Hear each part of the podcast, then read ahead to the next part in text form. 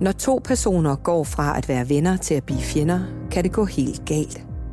Raseri, hævnfølelse, vrede, alt dette kan boble op og få følelserne i kog. Og nogle gange går det så galt, at den ene griber til våben og gør noget fatalt. Det er essensen af det drab, du kommer til at høre om i denne udgave af Danske Drabsager. Vi skal med drabsafdelingen på arbejde og høre om jagten på en gerningsmand, ingen havde set eller hørt noget til. Retsmedicinernes opgave med at undersøge et lig, som først blev fundet mere end 14 dage efter, at døden var indtrådt. Blodstænkanalyser og bitte små DNA-prøver, som kunne hjælpe politiet på vej. Og en videoovervågning, som blev et gennembrud i sagen, som ellers måske havde været uopklaret den dag i dag. Til at fortælle om sagen i denne episode har jeg talt med tidligere drabschef Ove Dahl, kriminaltekniker Bent Hytholm Jensen, professor i retsmedicin Hans Peter Hågen og tidligere anklager Anne Birgitte Styrup. Mit navn er Stine Bolter. Velkommen til podcasten Danske Drabsager, fortalt af de fagfolk, der har været helt tæt på. Hun går ned ad den knirkende trappe fra første sal, ned i kælderen, hvor det fælles badeværelse er. Lyset er tændt på udlejerens kontor, og hun rækker forsigtigt hånden ind gennem sprækken i døren for at slukke lyset og lukker døren bag sig, inden hun bevæger sig videre ud på badeværelset. Helt uvidende om det forfærdelige syn, der kunne have mødt hende på kontoret, hvis hun havde kigget ind. Det hele startede mandag den 22. marts 2004, hvor Ove Dahl omkring kl. 14 blev kontaktet af sine kollegaer på Amager. De ville have Københavns politis drabschef forbi for at se, om der var sket en forbrydelse. Der var fundet en død mand i en villa nede i kælderen. De første informationer gik på, at det var to øh, sønner, som havde savnet deres far, øh, som var 60 år gammel. De havde ikke hørt eller set noget til ham siden den 6. marts. De havde let efter ham flere gange i huset, men altså først fundet ham den øh, 22. marts. Deres far havde haft en antikvitetsforretning inde i den indre by, og den havde han afhændet, og nu handlede han lidt øh, fra sin kælder i villaen. Han handlede med alt muligt forskelligt. Han solgte gamle militærting, knive, bajonetter, uniformsgenstande, men også sådan noget som, som figurer og alt muligt andet, som man handler med.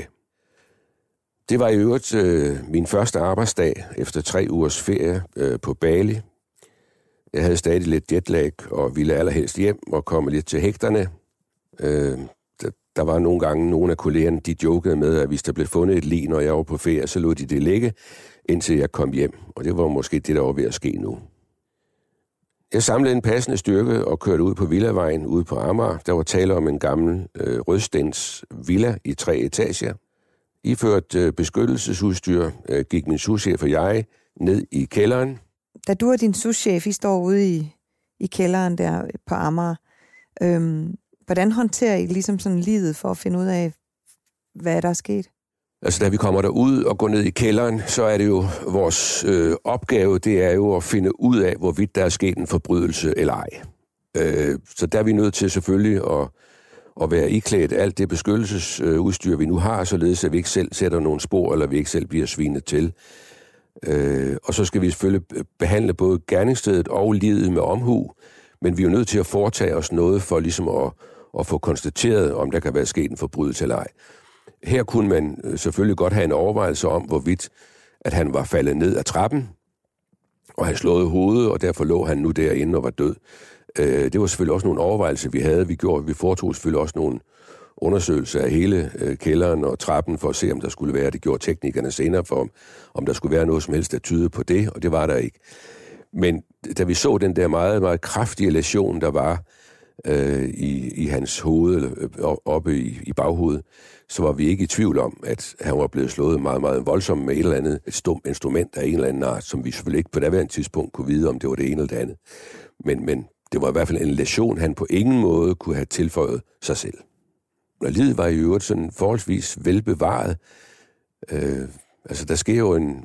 Når først vi holder op med at trække vejret, så, så indtræder der jo en, en, en, en dødstivhed, og på et tidspunkt øh, fortager det så lidt, og så starter den der forrådelsesproces, øh, og, og så går det over i noget mumificering, og det var jo også det, vi, vi kunne se på hans, blandt andet hans hænder var efterhånden fuldstændig stivnet og helt mumificeret, så vi var ikke i tvivl om, at, at det passede fint med, at han havde ligget der længe, og han sagtens skulle have ligget der siden øh, den, den, den 6. marts.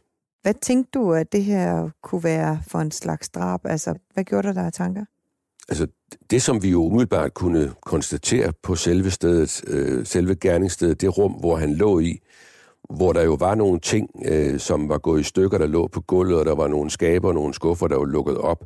Det tyder på, at der jo sandsynligvis, øh, i hvert fald nok, havde også været en, en, en anden person til stede, så vi, vi, vi, altså vi konstaterede, at det var et drab.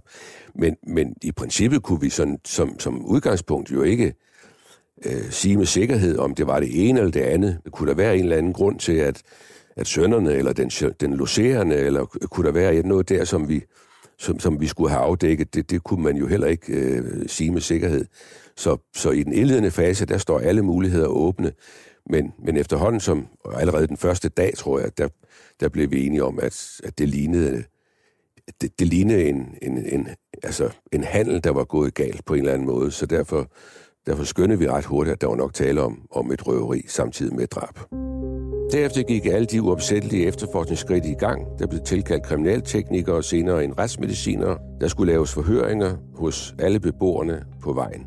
Altså igen den, det samme med, at vi selvfølgelig kigger på, på de allernærmeste øh, til at starte med, fordi der er jo Øh, i Danmark, der bliver der begået cirka 50 drab om året, øh, og de cirka 35, der er gerningsmanden øh, en, en person, som har en, en tæt relation til den dræbte, så derfor var det selvfølgelig naturligt, at de nærmeste her, også sønderne og den loserende, som selvfølgelig skulle afhøres grundigt.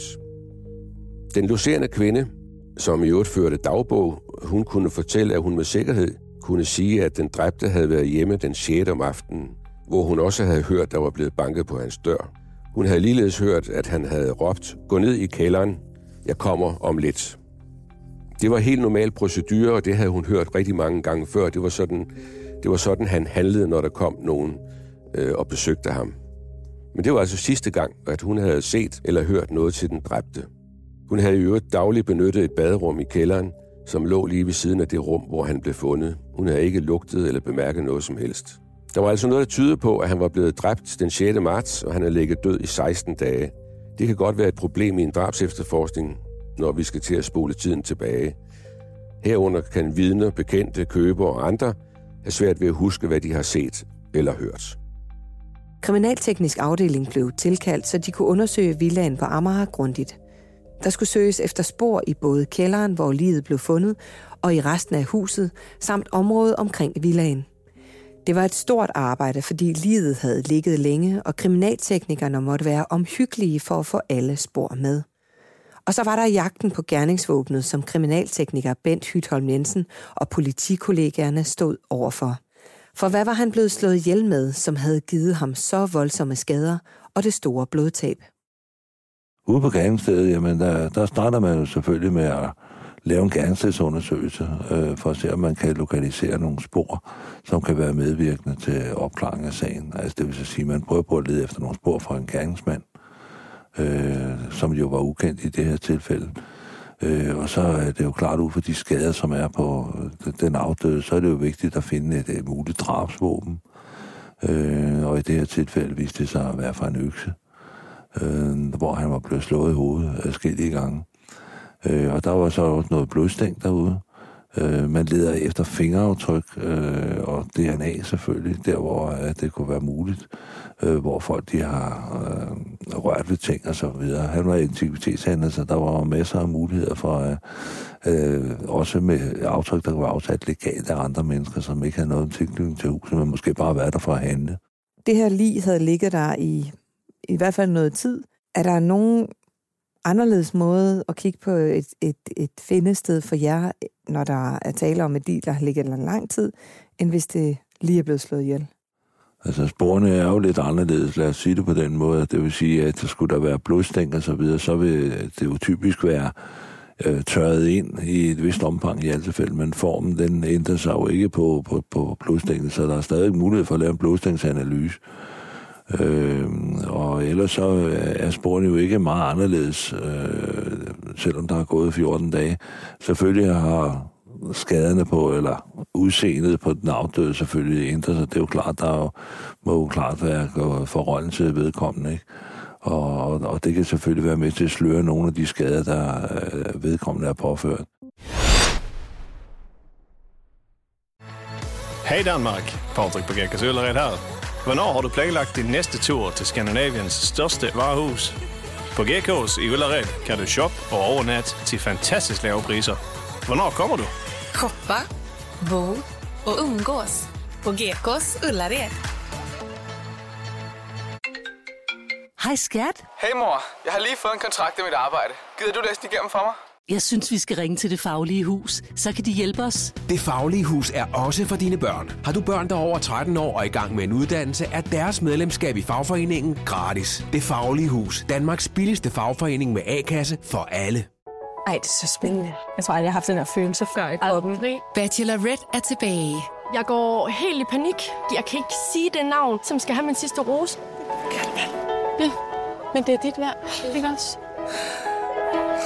Bachelorette. Lige nu på TV2 Play. Jeg kommer bare til at nyde hvert sekund af det.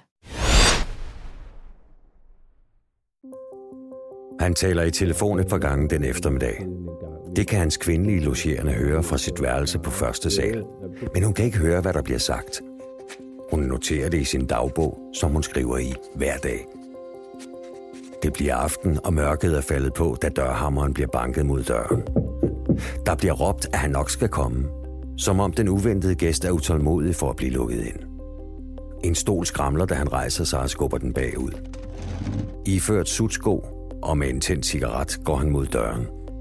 Herefter er der stille, og kvinden på første sal hører ikke det blodige drama, der sker blot få meter under hende.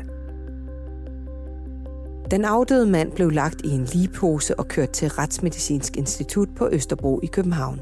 Professor i retsmedicin Hans Peter Hågen fortæller, hvad obduktionen viste, da de undersøgte den dræbte på instituttet. Vi kan se, at manden er blevet slået flere gange med et stumt instrument, og det stumpe instrument har haft stor vægt. Det er altså ikke bare med en lille træpind eller en bøjle eller noget i den stil. Det er noget tungt, han er blevet slået med. Og når vi foretager obduktionen, så ser vi jo, hvad det er af lesioner, og hvad der eventuelt måtte være sygdom. Og ud fra det, så kan vi drage vores konklusion, og som viser, at denne mand er død på grund af de lesioner, han har pådraget sig. Da vi undersøgte hovedet, kom vi frem til, at øh, offeret havde fået fem, måske seks slag med det tunge, stumpe instrument, som senere viste sig at være en økse. De lektioner, man får, det er, at der kommer kraniebrud, knusningsbrud af kranier, hvor dele af kraniet bliver trykket ind, og det går også så ud over hjernen. Så får man altså knusningslesioner og blødninger i hjernen. Og det dør man af. Imens obduktionen af den dræbte 60-årige mand var i gang, havde efterforskerne nok at se til med at finde frem til gerningsmanden. Den dræbtes to sønner og den logerende kvinde var selvfølgelig blevet afhørt og undersøgt, men det viste sig hurtigt, at de intet havde med drabet at gøre. De kunne tværtimod hjælpe politiet med efterforskningen. Politiets efterforskere kunne nemlig bruge deres informationer om den afdødes handel med antikviteter til at kortlægge hans liv. Disse oplysninger blev en vigtig del af efterforskningen for Ove Dahl og hans kollegaer. Vi fik at vide, at han handlede en del telefonisk, på nettet og i den blå avis. Derfor skulle der selvfølgelig også sættes efterforskning i gang inden for disse områder. Der var nok at tage fat på i den indledende fase. Under sønnernes gennemsøgning af huset havde de blandt andet fundet noget interessant, nemlig et brev, der var stilet til den dræbte. Et brev, som kunne opfattes som et trusselsbrev. Det var dog dateret mere end et år forinden. Det var fra en person, som til synligheden havde handlet med den dræbte og havde følt sig snydt. Den dræbte skulle derfor indsætte 5.000 kroner på en bestemt konto inden for en bestemt dato. Denne mand var selvfølgelig interessant for politiet, da der lå et muligt motiv for drabet. Det navn, der var skrevet under med, var et falsk navn, men der stod også et kontonummer, og ud fra det fandt politiet ud af, at der var tale om en 38-årig mand, der boede alene på Fyn. Han havde en kriminel fortid og havde også siddet i fængsel. Der var ingen telefon registreret i mandens navn, men Ove Dahl fik sendt et hold kriminalassistenter til Fyn for at opsøge manden personligt. Han bekræftede, at han kendte den dræbte, havde handlet med ham flere gange, sidste gang i slutningen af februar, men han havde ikke været hos den dræbte den 6. marts. Trusselbrevet havde han glemt og ikke gjort mere ved. Han havde dårlige erfaringer med mobiltelefoner, hvorfor han var begyndt at bruge telefonbokse. Manden påstod, at han havde ikke været på Sjælland på drabstidspunktet, og efterforskerne havde stadig ingen beviser mod manden, så selvom politiet havde en stærk mistanke mod den fynske mand, så måtte betjentene returnere til København uden ham. Ovedal og hans folk stod nu på barbund, og der måtte tænkes kreativt for at få et gennembrud i sagen. Dagen efter besøget hos den mistænkte mand på Fyn, fik en af Ovedals kollegaer den idé at tjekke overvågningsvideoen ved Storebæltsbroen for at se, om den fynske mand havde passeret broen omkring den 6. marts, både til og fra Sjælland. Det skulle vise sig at blive et gennembrud i sagen. Torsdag den 1. april kørte to efterforskere til Storebæltsbroen, og allerede et par timer senere ringede de til Ove Dahl og fortalte, at de havde fundet den mistænkte, siddende bag rattet på sin røde Volvo fra Fyn mod Sjælland den 6. marts kl. 17.36. Snart efter fandt de ham også på videoovervågningen retur fra Sjælland mod Fyn kl. 02.22 om natten. Nu var han altså placeret på Sjælland, og så skulle politiet blot bevise, at han også havde været hos den dræbte den aften. Dagen før drabet var blevet begået, havde der været et opkald til den dræbte, og igen på selve dagen for drabet. Begge disse opkald var blevet foretaget fra en telefonboks nær den fynske mands bopæl. Sammen med trusselsbrevet og videoovervågningen fra Storebæltsbroen havde politiet nu nok til at anholde den mistænkte og sigte ham for drab. Ovedal og hans folk fik manden anholdt, og de gjorde klar til at få ham afhørt. Han nægtede sig skyldig, kendte ikke noget til det, og havde ikke været hos den dræbte den 6. marts. Han blev præsenteret for optagelserne på Storebælt og teleoplysningerne, men han nægtede fortsat at kunne ikke huske noget. Han blev dagen efter varetægtsfængslet i fire uger. I den efterfølgende tid blev han afhørt flere gange, men nægtede fortsat. På et tidspunkt ændrede han sin forklaring vedrørende den 6. marts, han forklarede, at han havde været i København for at købe noget heroin og var kørt hjem igen. Det var billigere i København end i Odense. Han nægtede fortsat kendskab til drabet. Disse oplysninger blev meldt ud til offentligheden i håb om, måske lidt naivt, at nogen skulle have set ham eller handlet med ham. Et par mænd fra det kriminelle miljø på Vesterbro rettede henvendelse til drabsafdelingen og fortalte, at de havde været i kontakt med den fynske mand den 6. marts om aftenen. De kunne også fortælle, at de havde været med ham i en bil til en lejlighed lidt uden for København. Her havde den mistænkte mand købt heroin, og han havde foræret narkosælgeren en bagnette og en økse. Det havde undret de to mænd, og nu, hvor politiet spurgte efter ham, valgte de at fortælle om deres viden. Politiets efterforskere tog til lejligheden og talte med beboeren, som straks bekræftede det hele. Han udleverede også bajonetten og øksen. Øksen var blandt de effekter, som blev sendt til nærmere undersøgelse i kriminalteknisk afdeling hos kriminaltekniker Bent Hytholm Jensen og hans kollegaer. Den slags undersøgelser er med til at understøtte de beviser, som senere skal fremlægges i retten. Det første, man gør, når man øh, modtager sådan en, en effekt, eller den her økse her, som øh, muligvis kan være drabsåbnet fra, fra Slusevej, det er selvfølgelig, at man undersøger den for fingeraftryk. Den er jo sandsynligvis tørret af øh, men man undersøger den nu alligevel. Øh, og så øh, på grund af, at der selvfølgelig har været en del blod ude på gerningsstedet, jamen det er klart, så undersøger man jo i alle mulige sprækker, øh, hvis der er overhovedet mulighed for det, om der er noget til stedværelse af blod. Og i, i sådan et tilfælde som det her, så afmonterer man simpelthen øh, øksehovedet fra skæftet i håbet om, at øh, der kan være sivet noget blod op under øh, øksehovedet, altså op på skæftet. Og det var der jo så øh, fordi man øh, fandt nogle rester af noget blod, som hidrørte fra den afdøde. Nu var politiet overbeviste om, at det var den fynske mand, der havde dræbt maskandiseren på Amager. Den anholdte ville dog ikke tale med politiet mere, så i stedet måtte efterforskerne underrette hans forsvar om de belastende beviser.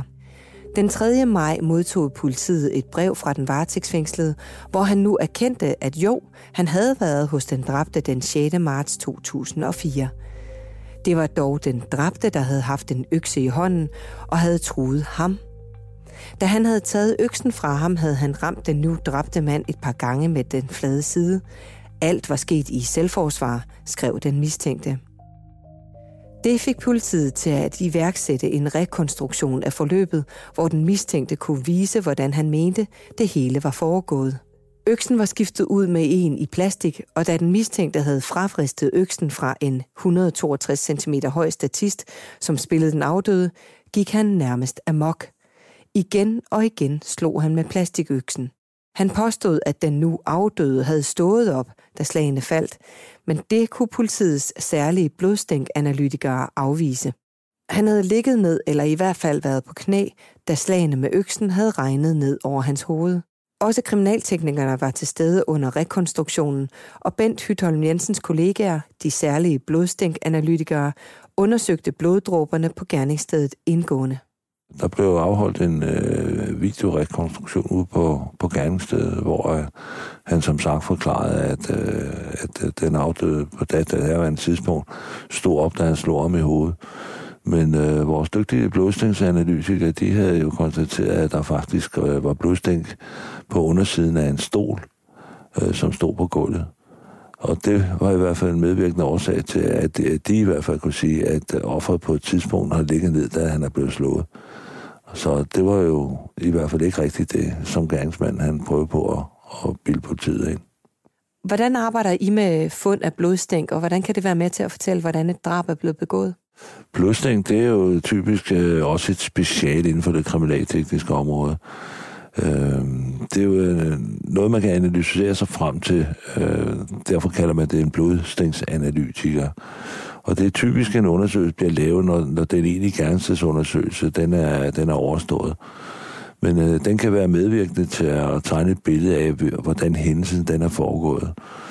Hvis man forestiller sig, at øh, man bløder øh, fra en finger, for eksempel, øh, og det drypper direkte ned på gulvet, så vil det typisk være en cirkelrund øh, plet, der kommer ned på gulvet. Og, øh, og afhængig af, hvilken højde den er faldet fra, så bliver den større eller mindre. Øh, hvis man får et slag, for eksempel med en køle eller en hammer eller sådan noget i hovedet, for eksempel, ja, og, og, og der hammeren så bliver ført bagud, jamen så vil det jo typisk komme et blodsprøjt eller et blodstænk, som vi kalder det. Øh, og som laver nogle aflange aftegninger i større eller mindre grad øh, på en væg eller et gulv, eller hvor det, hvor det nu er, det hændelsen er fundet sted. Øh, man kan ud fra det kan man jo også ty, øh, typisk se, om det er altså slaget af falde, hvor vedkommende har stået op, eller har ligget ned, eller der er gentagende slag.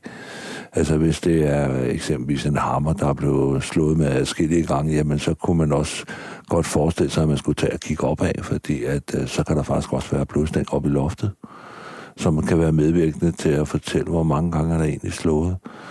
Øh, og der kan også være afsmitninger, altså på beklædning eksempelvis, eller på hænder, hvor det er, at man har gnedet en hånd op ad en væg, og så er det jo, så, så er det jo en, en, hvad skal man sige, en aftørring eller en afsmitning. Og de andre ting er blodstæng, eller også er det bloddryp. Og det kan man øh, som blodstænganalytiker, så måler man øh, de her forskellige typer blodstænker og afsmitninger og så videre der, og så kan man af den vej øh, skabe sig et billede over, øh, hvor vedkommende har befundet sig, da, da, da et slag for eksempel er fundet sted. Efterforskerne havde efterhånden fået et godt billede af, hvordan drabet var blevet begået og hvorfor. Den mistænkte havde et motiv til at slå den 60-årige mand ihjel, da han følte sig snydt i en handel – han havde formentlig selv medbragt øksen, og han havde gået til angreb, før den 60-årige havde nået at gøre modstand.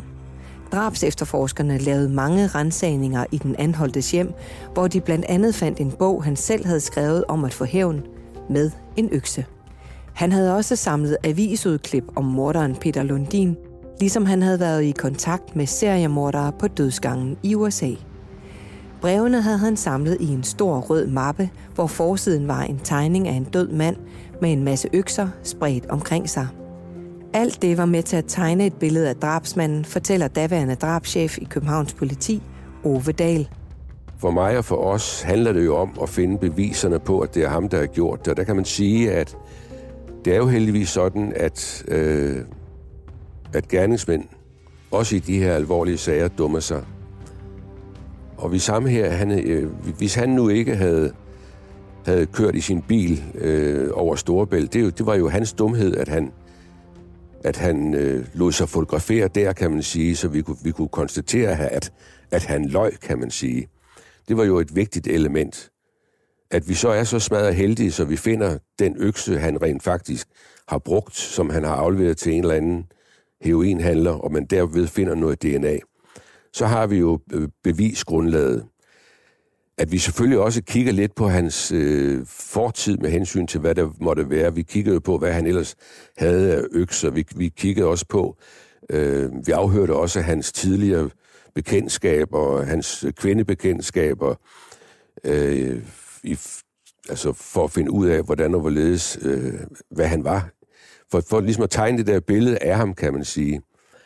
Øh, og, og jeg husker også godt, at vi fandt en, en, øh, en bog, hvor, hvor, hvor der nærmest var nogle manualer til forskellige ting, men, men det er jo bare en konstatering. Det er jo ikke noget, som, som jeg sådan... Det, det, det er der masser af mennesker, der har, uden at de i øvrigt gør brug af det. Betjentene fjerner politiafspæringen og låser sig ind i lejligheden. Den er fyldt med skjulte hulrum og hemmelige skabe, som de skal gennemgå. I køkkenet går de i gang med koben, skruetrækkere og andet værktøj. De trækker alt ud fra væggene. Klæder på gulvet bliver revet op, og loftet bliver fjernet. Da de trækker køleskabet ud, ser de det. En gemt låge til et hemmeligt rum fyldt med skjulte skatte. Drabsafdelingen tog til den mistænktes lejlighed på Fyn for at lave en gennemgående rensagning. Vidnerne fra Vesterbro, som havde fortalt om øksen, kunne også fortælle om flere antikke effekter, som den mistænkte havde været i besiddelse af efter drabet. Det var samlinger fra krigens tid, som nu manglede i den dræbtes hjem. De ting ville politiet se, om de kunne finde i lejligheden på Fyn. Efter en gennemgribende rensagning fandt de et hemmeligt rum bag køleskabet, som gemte på tyske emblemer, medaljer, bajonetter og mønter fra krigens tid. Det var blot endnu et belastende fund, som var med til at navle den formodede gerningsmand til drabet på Amager.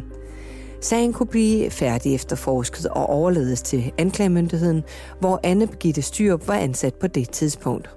Hun fortæller, hvordan man i denne sag satte en fældende indiciekæde sammen. Vi skal jo huske, øh, der findes kun indicier, og øh, et hvert bevis er opbygget af indicier. Og det er et godt indicie på, at det er i hvert fald en tankemand har tænkt, og nu har vi så en, der er blevet dræbt af en økse, og man kan få ham hen på gerningsstedet. Så, så det er bare et, et, et lille... Altså man, man, prøv at forestille dig, at du har et reb, som når man skiller det ad, så har man øh, både, kan man have både tykke og tynde strenge. Og sådan er det jo med alle indicier. Nogle er sådan nogle små, tynde, hårstråagtige nogen, og nogle er store, tykke, øh, stærke bånd, som, øh, som, som det kan være fingeraftryk og DNA og sådan noget. Men der er jo stadigvæk masser af andre forklaringer på, hvordan den DNA eller de fingeraftryk kan være havnet der. Så, men, det, men, men, men, men det er i hvert fald, øh, så det er meget forskelligt med indicier styrke, men hvert et lille indicium bliver jo en del af det reb, man i sidste ende skal bruge til at, øh, nu skal jeg ikke sige at hænge ham i, men at hænge ham op på, kan man sige. Så alle de der små stumper, de samles til sidst i proceduren til at blive det reb, der gør, at man uden for enhver rimelig tvivl finder manden skyldig. Og der vil så noget som det her jo være et af dem. Men selvfølgelig kan du ikke sige, at han har en uven, han har skrevet en bog om, at man kan tage hæv med at bruge en økse. Her har vi en uven, som er dræbt med en økse. Ergo er det ham. Sådan går, så let er det jo ikke. Men det er klart, at det er en af mange ting. Ja, han har tænkt tanken, at man kunne slå sådan en ihjel med en økse. Og han bliver faktisk også slået ihjel med en økse. Og han er kørt over broen, og han er fremme på gerningsstedet. Så på den måde, så betyder det noget. Øh, mange journalister taler tit om, at det er kun en indiciesag. Det er der, der findes ikke sager, som ikke kun er indiciesager, bortset selvfølgelig fra tilståelsessager. Hvad er en sagen her med? Den ender med, at han fik fængsel i 16 år, og det, altså, som jeg, det er jo sådan, at udgangspunktet i, en, i sager om drab er 12 år. Men han havde jo flere forbrydelser, øh, blandt andet nogle øh, våbenlovsovertrædelser, som jo er blevet ganske dyre, plus en øh, lang fortid. Og derfor så kan man hurtigt få lagt fire år til normalstraffen. Og så var det jo et ganske bestialt drab, og så videre, og så videre. Så derfor fik han... Øh, man kan ikke få mere end 16 år når, med, med, som tidsbestemt straf. Den næste position er jo livstid. Og den her er næppe bestialsk nok til... Altså offerne, for man de meget få gange, hvor man har givet livstid for et enkelt drab, der er der jo, der, der, der skal der, der skal offeret jo være udsat for at blive dræbt, altså hvor vedkommende har lidt sådan under torturlignende forhold, fordi ja, det er selvfølgelig meget ubehageligt for offeret at blive slået ned med en økse, men det går stærkt. Når du får et øksehug i hovedet, så bliver man altså bevidstløs på sekunder, og hvis man så får flere, så mærker man ikke noget til de andre. Så det er ikke, man har meget, meget, det er meget lille tid, hvor man er angst for sit liv. Det er sådan set en hurtig ekspedit død, selvom det er meget blodet og meget frygteligt alt sammen. Så, og det er også derfor, at man får mindst de der 12 år. Hvis man med vilje trækker døden ud ved langsomt at slå folk ihjel, og glæde sig over at se dem forbløde, eller hvad det nu kan være, ikke? Så, så, er vi ude, altså, så, så, så er det, man er ude i det, som kan give livstid. 16 års fængsel blev straffen altså for rovmordet på Amager. Den dømte nægtede til det sidste, at han slog den 60-årige ihjel med vilje. Det var selvforsvar, sagde han, og han har også skrevet en bog om sin version af sagen. I dag har han udstået sin straf for drabet. Tak til tidligere drabschef Ove Dahl, retsmediciner Hans Peter Hågen, anklager Anne Begitte Stryop og kriminaltekniker Bent Hytholm Jensen for jeres fortælling. Speaks indtalt af Henrik Forsum, klippet af Rasmus Svinger, tilrettelagt af anne Cecilie Gernøks og produceret af Bauer Media og True Crime Agency. Mit navn er Stine Bolter. Tak fordi du lyttede med.